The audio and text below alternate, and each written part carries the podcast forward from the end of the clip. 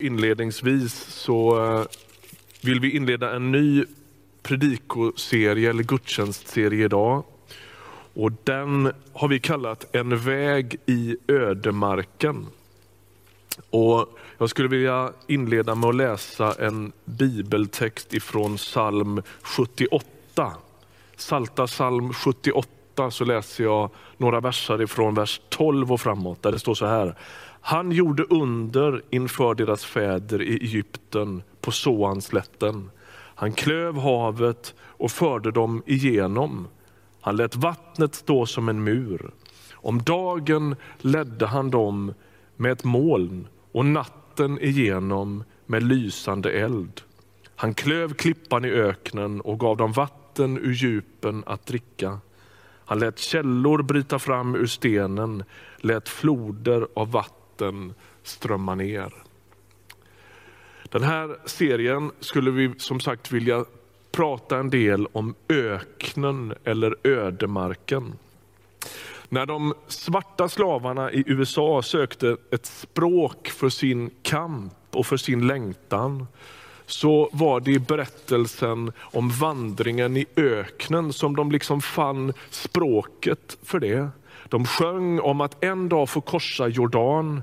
De sjöng om Guds trofasthet. De sjöng om öknen och umbäranden och fighter och tuffa tag. Men de sjöng också om längtan efter frihet.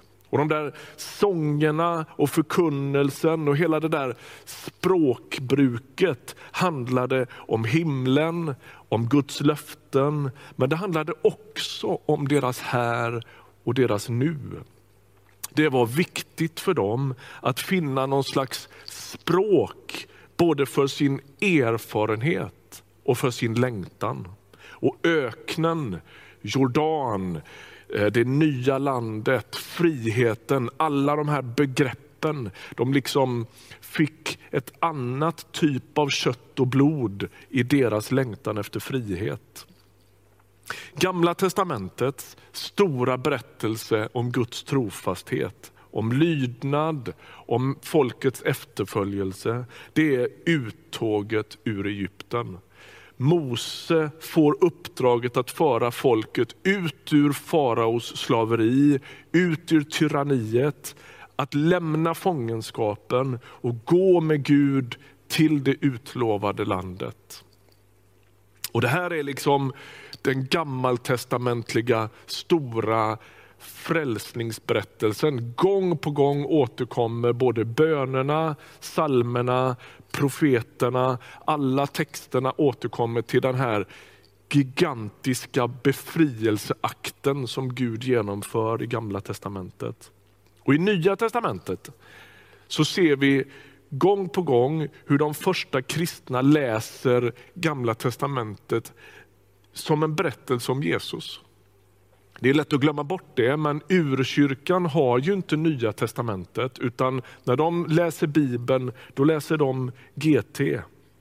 Och så får de på sig Jesus glasögonen och läser om alla de texter som de har känt sedan barnsben och som de har levt med. Och så har liksom börjar de att koda upp de där texterna och inse att de handlar om Jesus. Vi, vi tar den där berättelsen lite kort. Gud bryter faraos makt. Ni vet, Israels folk, judarna, är, är fångna i Egypten sedan 400 år tillbaka. Och så kallar Gud dem genom Mose att bli ett folk i frihet. Slaveriet är över och motvilligt så måste farao släppa taget. Och när de lämnar Egypten så går de genom dopets vatten. När havet delar sig och när faraos armé försöker komma ikapp dem. Och då delar sig havet, ni, ni, ni vet, faraos armé i ryggen och så och så är det liksom, de är vid vägs ände vid det här vattnet och Gud behöver göra ett under och Moses slår med sin stav på vattnet och så delar sig vattnet och så går de rakt igenom. Och när faraos armé ska komma ikapp dem så sluts vattnet bakom dem och vattnet finns som en slags avgränsning mellan Guds folk och slavherren. Han når dem inte längre och ondskans makt, slaveriets ok är liksom brutet på något sätt. Men det här är också ett beskydd för folket. Det, inte, det dröjer inte särskilt länge förrän de vill tillbaks till Egypten. De eh, minnena spelar de ett spratt och de börjar odla någon slags idé om att det var nog inte så dumt i Egypten i alla fall. Och de längtar tillbaks till köttgrytorna där, säger de. Och då står det här vattnet också som ett, som ett slags beskydd för dem själva. Det går inte att återvända till Egypten därför att vattnet står emellan.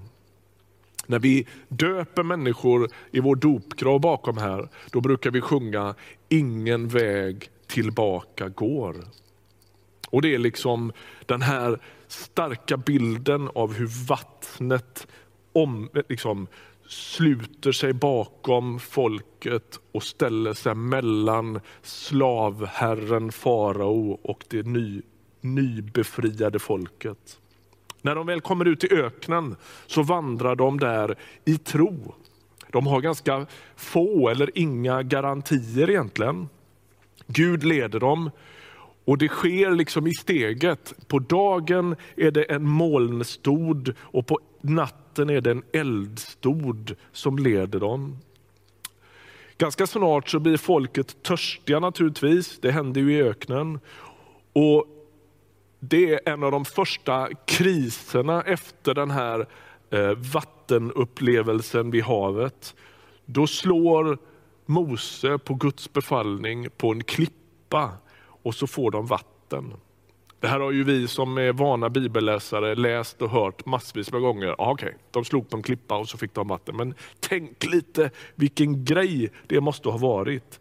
De slår på en sten och det rinner så mycket vatten ur den så en och en halv miljon människor blir otörstiga.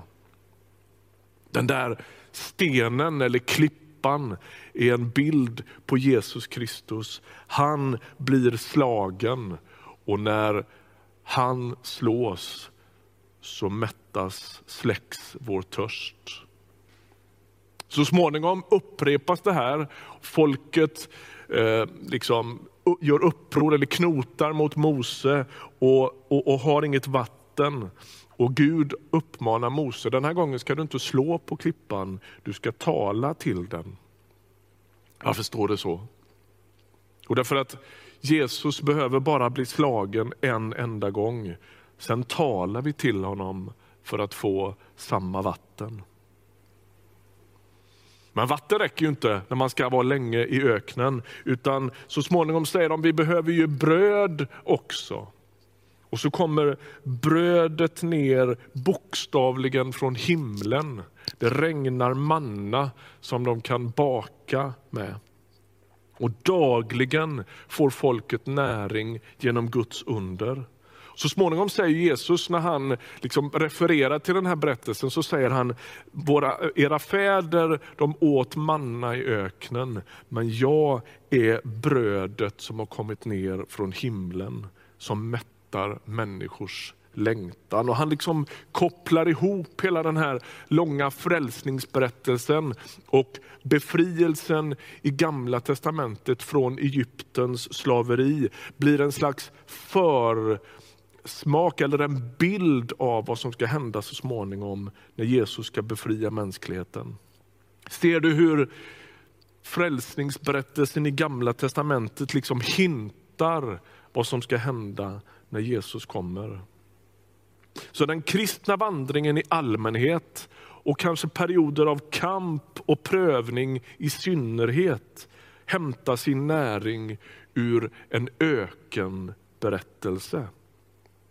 Det är inte bara Amerikas slavar på 1800-talet som känner igen sig i det här. Det gör också vi. Och Det här ska vi prata om under januari månads gudstjänster.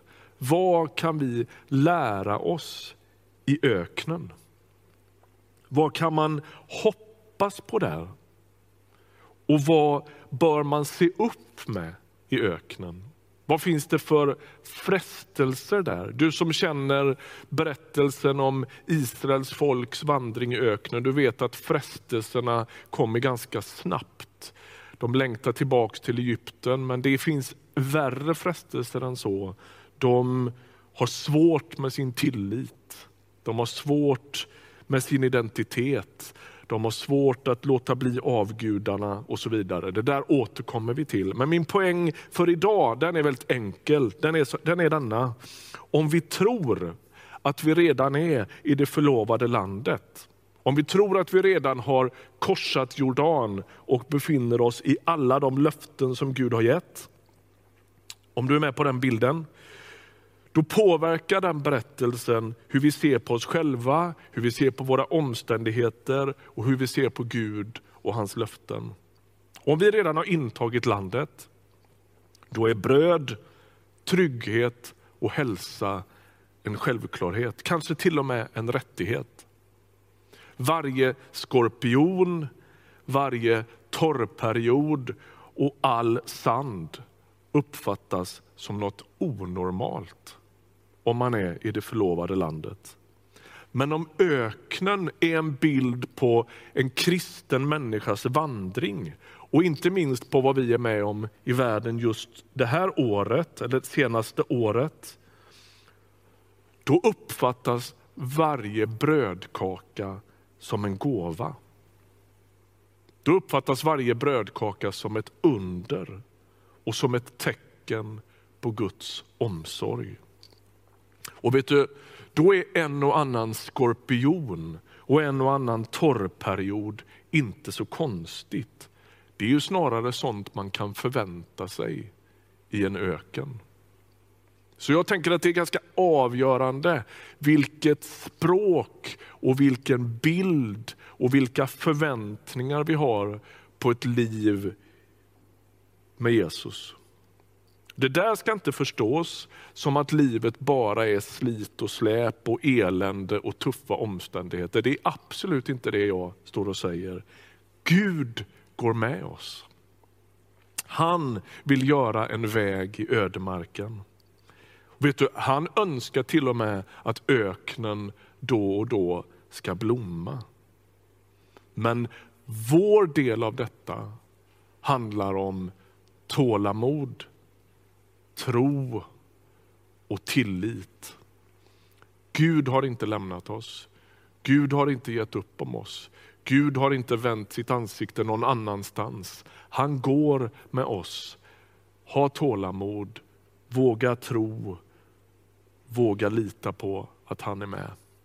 Vi återkommer i den här serien och funderar över alla de här andra sidorna av vad det innebär att vandra i en öken. Låt oss be tillsammans. Herre Jesus, vi tackar dig för att du är här.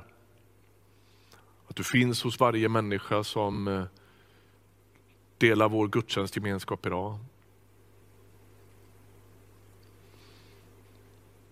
Vi ber att du skulle möta våra djupaste behov med dig själv. Kom och rör vid våra liv. Kom och möt oss med din egen närvaro. Jag ber särskilt för den som sliter med sin tillit, med sin tro, med sin ensamhet. Kom med din närvaro. I Jesu namn. Amen.